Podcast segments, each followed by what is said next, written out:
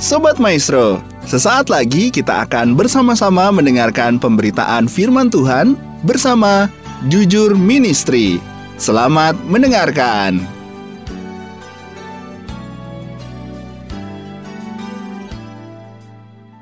Tuhan selalu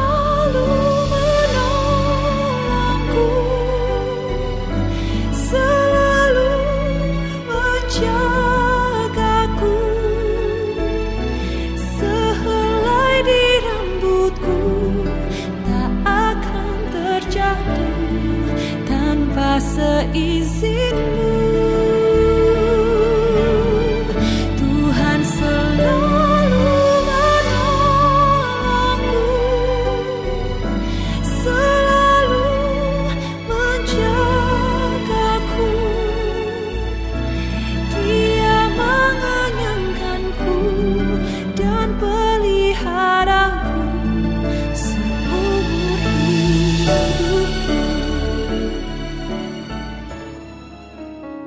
Shalom Sobat Maestro, jumpa kembali dengan saya Pendeta Thomas Lukiman dari Jujur Ministry. Visi dan misi dari Jujur Ministry adalah visinya melayani dengan kasih sesuai dengan perintah kerajaan Allah, menjadi perpanjangan tangan Tuhan bagi orang miskin, sesuai dengan ayat firman Tuhan yang terdapat dalam Galatia pasal yang kedua, ayat yang ke-10, dalam Yohanes pasal yang ke-6 ayat yang ke-11, dan dalam Matius pasal ke-25 ayat yang ke-35 sampai ke-40. Misinya membantu mensejahterakan masyarakat yang miskin, membangkitkan empati bagi orang tua dan anak-anak muda yang memiliki gaya hidup berbagi dan memiliki hati yang berkemurahan. Baik sebelum kita mendengarkan perenungan firman Tuhan, kita akan memulainya di dalam doa. Bapa di dalam nama Tuhan Yesus, kami mengucap syukur bila hari ini kami boleh menerima segala kebaikan-Mu dan anugerah-Mu yang berlimpah-limpah di dalam kehidupan kami. Melalui perenungan firman Tuhan ini, kami boleh lebih mengenal akan pribadi-Mu. Kami membuka hati dan pikiran kami selebar-lebarnya. Kami siap untuk diberkati oleh kebenaran firman-Mu. Di dalam nama Tuhan Yesus, kami berdoa dan mengucap syukur. Amin. Sobat Maestro, tema firman Tuhan hari ini adalah terlepas dari pengalaman masa lalu. Setiap orang pasti memiliki yang namanya pengalaman masa lalu. Entah itu pengalaman yang menyenangkan maupun pengalaman yang tidak menyenangkan dan pengalaman yang menyakitkan. Pada umumnya, setiap orang ingat dan tidak pernah lupa akan pengalaman masa lalunya yang menyakitkan dan pengalaman masa lalunya yang tidak menyenangkan ketika mereka disakiti, ketika mereka ditolak, ketika mereka dihianati, ketika mereka dikecewakan, ketika mereka dilecehkan dan lain sebagainya. Tapi mereka lupa akan pengalaman masa lalunya yang menyenangkan. Mereka lupa akan pengalaman masa lalunya yang indah. Mereka lupa akan pengalaman masa lalunya yang berkesan seumur hidupnya. Di dalam Alkitab ada beberapa tokoh Alkitab yang mengalami pengalaman masa lalu yang menyakitkan dan masa lalu yang tidak menyenangkan yaitu Yusuf selama 13 tahun menjadi budak. Kemudian Daud dibuang oleh keluarganya. Lalu bagaimana caranya supaya kita terlepas dari pengalaman masa lalu yang menyakitkan dan yang tidak menyenangkan ini? Jawabannya 3M. M yang pertama adalah mengakui. Kita lihat ayat firman Tuhannya terdapat dalam Amsal pasal ke-28 ayat yang ke-13. Siapa menyembunyikan pelanggarannya tidak akan beruntung, tetapi siapa mengakuinya dan meninggalkannya akan disayangi. Tentunya mengakui dengan keterbukaan, mengakui bahwa ada pengalaman masa lalu yang menyakitkan, mengakui bahwa pernah disakiti, mengakui bahwa pernah ditolak, mengakui bahwa pernah dihianati, mengakui bahwa pernah dikecewakan, mengakui bahwa pernah dilecehkan, dan lain sebagainya. Hal ini perlu yang namanya keterbukaan, kejujuran, dan kerendahan hati. Tapi pada kenyataannya, banyak orang yang tidak terbuka malah menyimpannya, bahkan menyembunyikannya. Jangan sampai orang lain tahu, karena hal ini memalukan, karena hal ini adalah aib. Kenapa kita harus terbuka? Karena keterbukaan adalah awal dari pemulihan. Saat kita mengakui dan terbuka, tidak menyembunyikan sedikit pun bahwa ada pengalaman masa lalu yang menyakitkan, pernah disakiti, pernah ditolak, pernah dihianati, pernah dikecewakan, pernah dilecehkan dan lain sebagainya. Artinya, kita sedang menelanjangi pekerjaan si jahat dan mematahkan kuasanya. Maka tidak ada lagi tuduhan dan intimidasi iblis atas kehidupan kita, atas pengalaman masa lalu yang menyakitkan dan yang mengganggu perjalanan hidup kita. M yang kedua adalah mengampuni.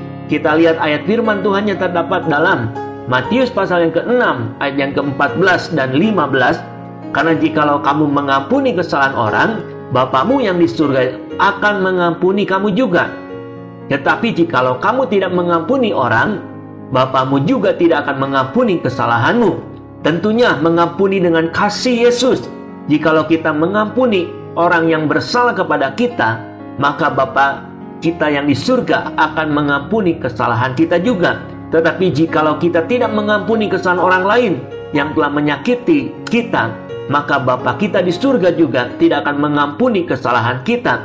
Tapi pada praktiknya, mengampuni itu sama sekali nggak gampang. Sebagai manusia, kita sadar bahwa melakukan kesalahan itu manusiawi, tapi mengampuni adalah tindakan ilahi. Yesus menegaskan bahwa saat kita mengampuni musuh dan saudara kita, maka kita pun akan diampuni oleh Tuhan. Waktu kita mengampuni orang lain karena kesalahannya, kita menempatkan diri kita di posisi saat kita berdosa dan kita diampuni oleh Tuhan. Karena itulah mengampuni diri kita sendiri dan orang lain adalah gambaran dari pengampunan yang Tuhan berikan untuk kita. Untuk bisa mengampuni orang lain, kita perlu menyadari belas kasihan dan kasih karunia yang Tuhan sudah berikan atas kita dia mengampuni kita karena kasih karunia-Nya dan memberi kita damai sejahteranya. Pengampunan adalah suatu kewajiban dalam hidup orang percaya. Pengampunan harusnya jadi gaya hidup yang kita jalani sepanjang hidup kita. Jadi berapa kali kita harus mengampuni kesalahan orang lain? Mari kita akan melihat di dalam Matius pasal yang ke-18 ayat yang ke-21 dan 22. Kemudian datanglah Petrus dan berkata kepada Yesus, "Tuhan, Sampai berapa kali aku harus mengampuni saudaraku jika ia berbuat dosa terhadap aku sampai tujuh kali? Yesus berkata kepadanya, Bukan, aku berkata kepadamu bukan sampai tujuh kali, melainkan sampai tujuh puluh kali tujuh kali. Dalam kekristenan, hal mengampuni itu tidak ada batasnya. Dengan kata lain, tiada hingganya. Pengampunan adalah dasar bagi kehidupan orang percaya. Kita diampuni untuk mengampuni. Jadi mengampuni orang lain yang bersalah kepada kita adalah sebuah keharusan. Konsekuensinya, jikalau kita tidak mengampuni kesalahan orang, maka Bapa di surga juga tidak akan mengampuni kesalahan kita. M yang ketiga adalah melupakan. Kita lihat ayat firman Tuhan yang terdapat dalam Filipi pasal yang ketiga, ayat yang ke-13 dan 14. Saudara-saudara, aku sendiri tidak menganggap bahwa aku telah menangkapnya, tetapi ini yang kulakukan Aku melupakan apa yang telah di belakangku dan mengarahkan diri kepada apa yang di hadapanku dan berlari-lari kepada tujuan untuk memperoleh hadiah yaitu panggilan sorgawi dari Allah dalam Kristus Yesus. Tentu masa lalu seperti ini bukanlah sesuatu yang ringan dan dapat dilupakan begitu saja.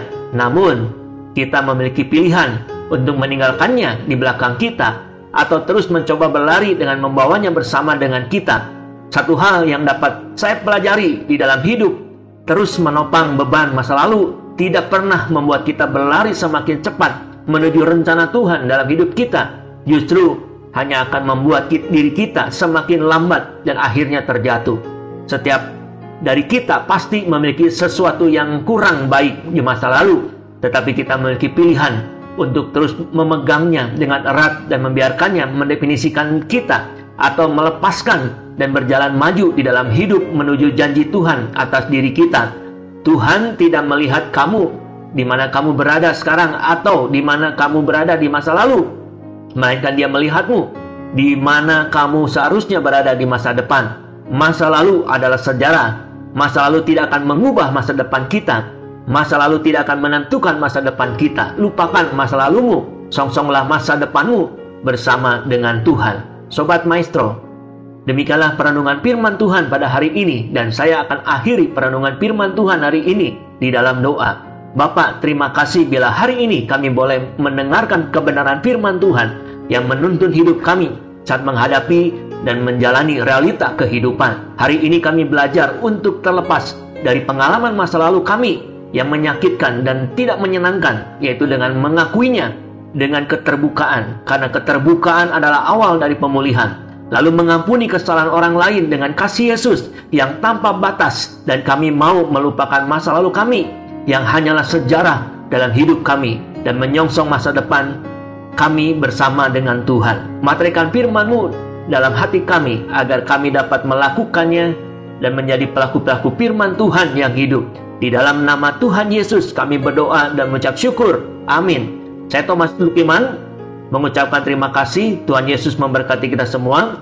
Shalom.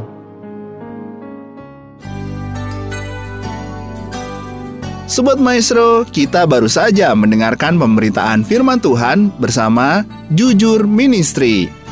Terima kasih atas kebersamaan Anda. Tuhan Yesus memberkati.